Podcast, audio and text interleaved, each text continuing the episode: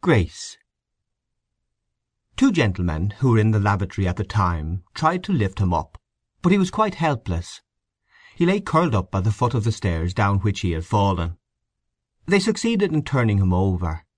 His hat had rolled a few yards away, and his clothes were smeared with the filth and ooze of the floor on which he had lain, face downwards. His eyes were closed, and he breathed with a grunting noise. A thin stream of blood trickled from the corner of his mouth. These two gentlemen and one of the curates carried him up the stairs, and laid him down again on the floor of the bar. In two minutes he was surrounded by a ring of men. The manager of the bar asked every one who he was, and who was with him. No one knew who he was, but one of the curates said he had served the gentleman with a small rum. "Was he by himself?" asked the manager. "No, sir. There was two gentlemen with him." "And where are they?" No one knew. A voice said, "Give him air. He's fainted." The ring of onlookers distended, and closed again elastically. A dark medal of blood had formed itself near the man's head on the tessellated floor. The manager, alarmed by the grey pallor of the man's face, sent for a policeman. His collar was unfastened and his necktie undone. He opened his eyes for an instant, sighed, and closed them again. One of the gentlemen who had carried him upstairs held a dinged silk hat in his hand. The manager asked repeatedly did no one know who the injured man was, or where had his friends gone. The door of the bar opened, and an immense constable entered. A crowd which had followed him down the laneway collected outside the door, struggling to look in through the glass panels. The manager at once began to narrate what he knew. The constable, a young man with thick immobile features, listened. He moved his head slowly to right and left, and from the manager to the person on the floor, as if he feared to be the victim of some delusion. Then he drew off his glove, produced a small book from his waist, licked the lead of his pencil, and made ready to indite.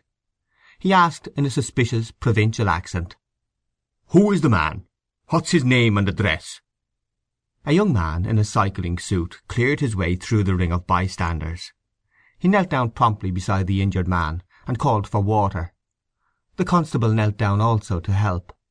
The young man washed the blood from the injured man's mouth, and then called for some brandy. The constable repeated the order in an authoritative voice, until a curate came running with a glass. The brandy was forced down the man's throat, in a few seconds he opened his eyes and looked about him.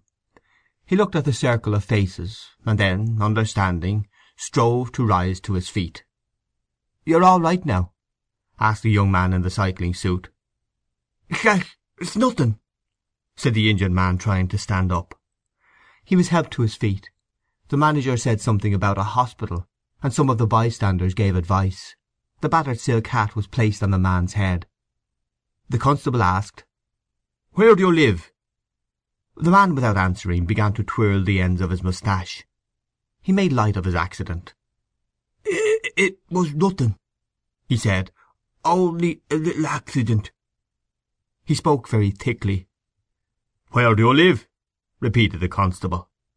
The man said they were to get a cab for him. While the point was being debated, a tall, agile gentleman of fair complexion, wearing a long yellow ulster, came from the far end of the bar. Seeing the spectacle, he called out, "Hello, Tom, old man! What's the trouble?" "Sure, it's nothing," said the man. The newcomer surveyed the deplorable figure before him, and then turned to the constable, saying, "It's all right, constable. I'll see him home." The constable touched his helmet, and answered, "All right, Mr. Power." "Come now, Tom," said Mr. Power, taking his friend by the arm. No bones broken, what? Can you walk?" The young man in the cycling suit took the man by the other arm, and the crowd divided. "How did you get yourself into this mess?" asked Mr. Power. "The gentleman fell down the stairs," said the young man. "I very much obliged to you, sir," said the injured man. "Not at all." "Have we have a little—" "Not now, not now." The three men left the bar, and the crowd sifted through the doors into the laneway. The manager brought the constable to the stairs to inspect the scene of the accident. They agreed that the gentleman must have missed his footing. The customers returned to the counter, and a curate set about removing the traces of blood from the floor. When they came out into Grafton Street, Mr. Power whistled for an outsider. The injured man said again, as well as he could, "I'm very much obliged to you, sir. I hope we'll meet again. My name is Kernan." The shock and the incipient pain had partly sobered him. "Don't mention it," said the young man. They shook hands. Mr. Kernan was hoisted on to the car, and while Mr. Power was giving directions to the carman he expressed his gratitude to the young man, and regretted that they could not have a little drink together. "Another time," said the young man. The car drove off towards Westmoreland Street.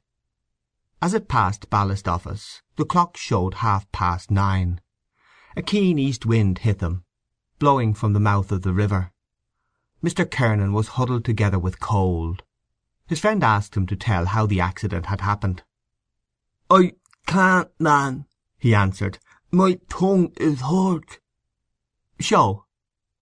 The other leaned over the well of the car and peered into Mr. Kernan's mouth, but he could not see. He struck a match, and sheltering it in the shell of his hands, peered again into the mouth which Mr. Kernan opened obediently. The swaying movement of the car brought the match to and from the opened mouth. The lower teeth and gums were covered with clotted blood, and a minute piece of the tongue seemed to have been bitten off. The match was blown out. "That's ugly," said Mr. Power. "Sure, it's nothing," said Mr. Kernan, closing his mouth, and pulling the collar of his filthy coat across his neck. Mr. Kernan was a commercial traveller of the old school, which believed in the dignity of its calling. He had never been seen in the city without a silk hat of some decency and a pair of gaiters. By grace of these two articles of clothing, he said, a man could always pass muster. He carried on the tradition of his Napoleon, the great Blackwhite, whose memory he evoked at times by legend and mimicry. Modern business methods had spared him only so far as to allow him a little office in Crow Street, on the window blind of which was written the name of his firm with the address London, E.C. On the mantelpiece of this little office a little leaden battalion of canisters was drawn up, and on the table before the window stood four or five china bowls which were usually half full of a black liquid. From these bowls Mr. Kernan tasted tea. He took a mouthful, drew it up, saturated his palate with it, and then spat it forth into the grate. Then he paused to judge. Mr. Power, a much younger man, was employed in the Royal Irish Constabulary Office in Dublin Castle. The arc of his social rise intersected the arc of his friend's decline, but Mr. Kernan's decline was mitigated by the fact that certain of those friends who had known him at his highest point of success still esteemed him as a character. Mr. Power was one of these friends. His inexplicable debts were a byword in his circle. He was a debonair young man. The car halted before a small house on the Glasnevin road, and Mr. Kernan was helped into the house. His wife put him to bed, while Mr. Power sat downstairs in the kitchen, asking the children where they went to school and what book they were in. The children, two girls and a boy, conscious of their father's helplessness and of their mother's absence, began some horse play with him, he was surprised at their manners and at their accents, but his brow grew thoughtful. After a while Mrs. Kernan entered the kitchen, exclaiming, "Such a sight! Oh, he'll do for himself one day, and that's the holy alls of it. He's been drinking since Friday." Mr. Power was careful to explain to her that he was not responsible, that he had come on the scene by the merest accident. Mrs. Kernan, remembering Mr. Power's good offices during domestic quarrels, as well as many small but opportune loans, said, "Oh, you needn't tell me that, Mr. Power. I know you're a friend of his. Not like some of the others he does be with. They're all right so long as he has money in his pocket to keep about from his wife and family. Nice friends. Who was he with to-night, I'd like to know?" Mr. Power shook his head, but said nothing. "I'm so sorry," she continued, "that I've nothing in the house to offer you. But if you'll wait a minute I'll send round to Fogarty's at the corner." Mr. Power stood up. "We were waiting for him to come home with the money. He never seems to think he has a home at all." "Oh, now, Mrs. Kernan," said Mr. Power, We'll make him turn over a new leaf. I'll talk to Martin. He's the man. We'll come here one of these nights and talk it over. She saw him to the door. The carman was stamping up and down the footpath, and swinging his arms to warm himself.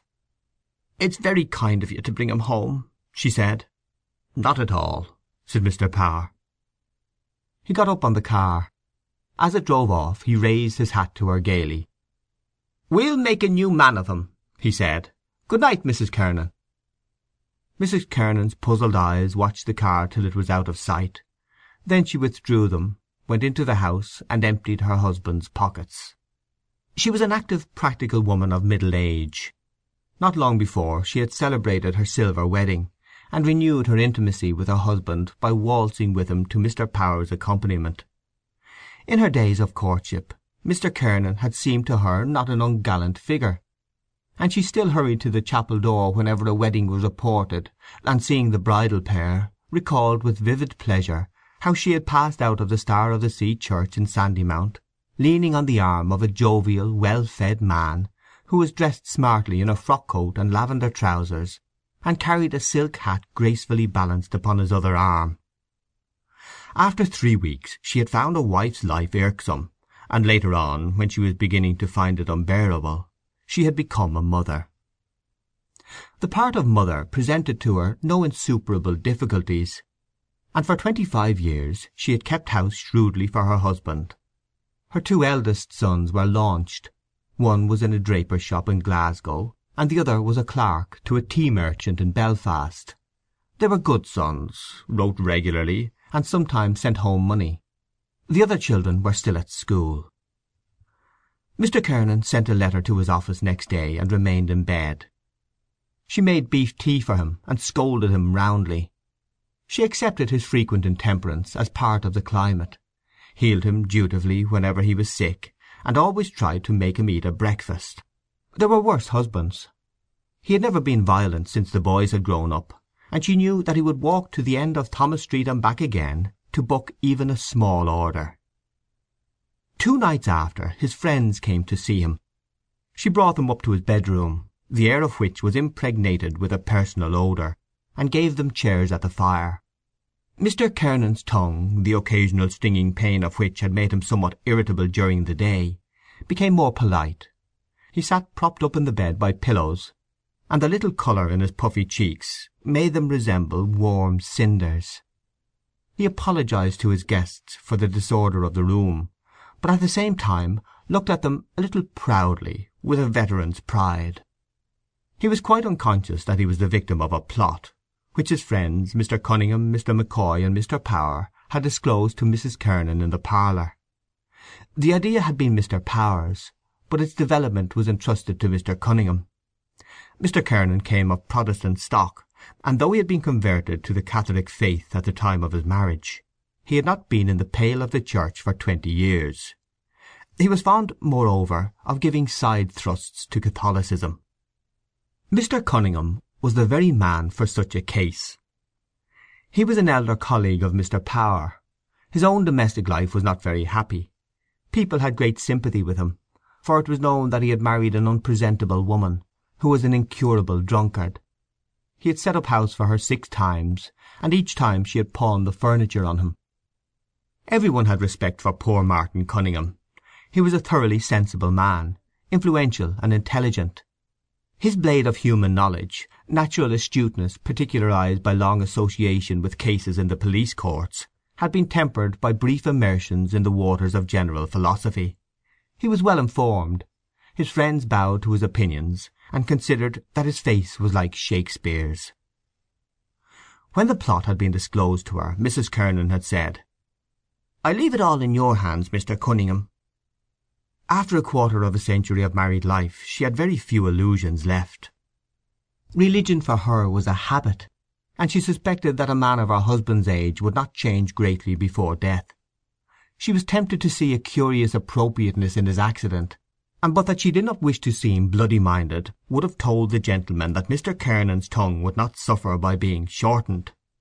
However, Mr. Cunningham was a capable man, and religion was religion. The scheme might do good, and at least it could do no harm. Her beliefs were not extravagant. She believed steadily in the Sacred Heart as the most generally useful of all Catholic devotions, and approved of the sacraments. Her faith was bounded by her kitchen, but if she was put to it she could believe also in the Banshee and the Holy Ghost.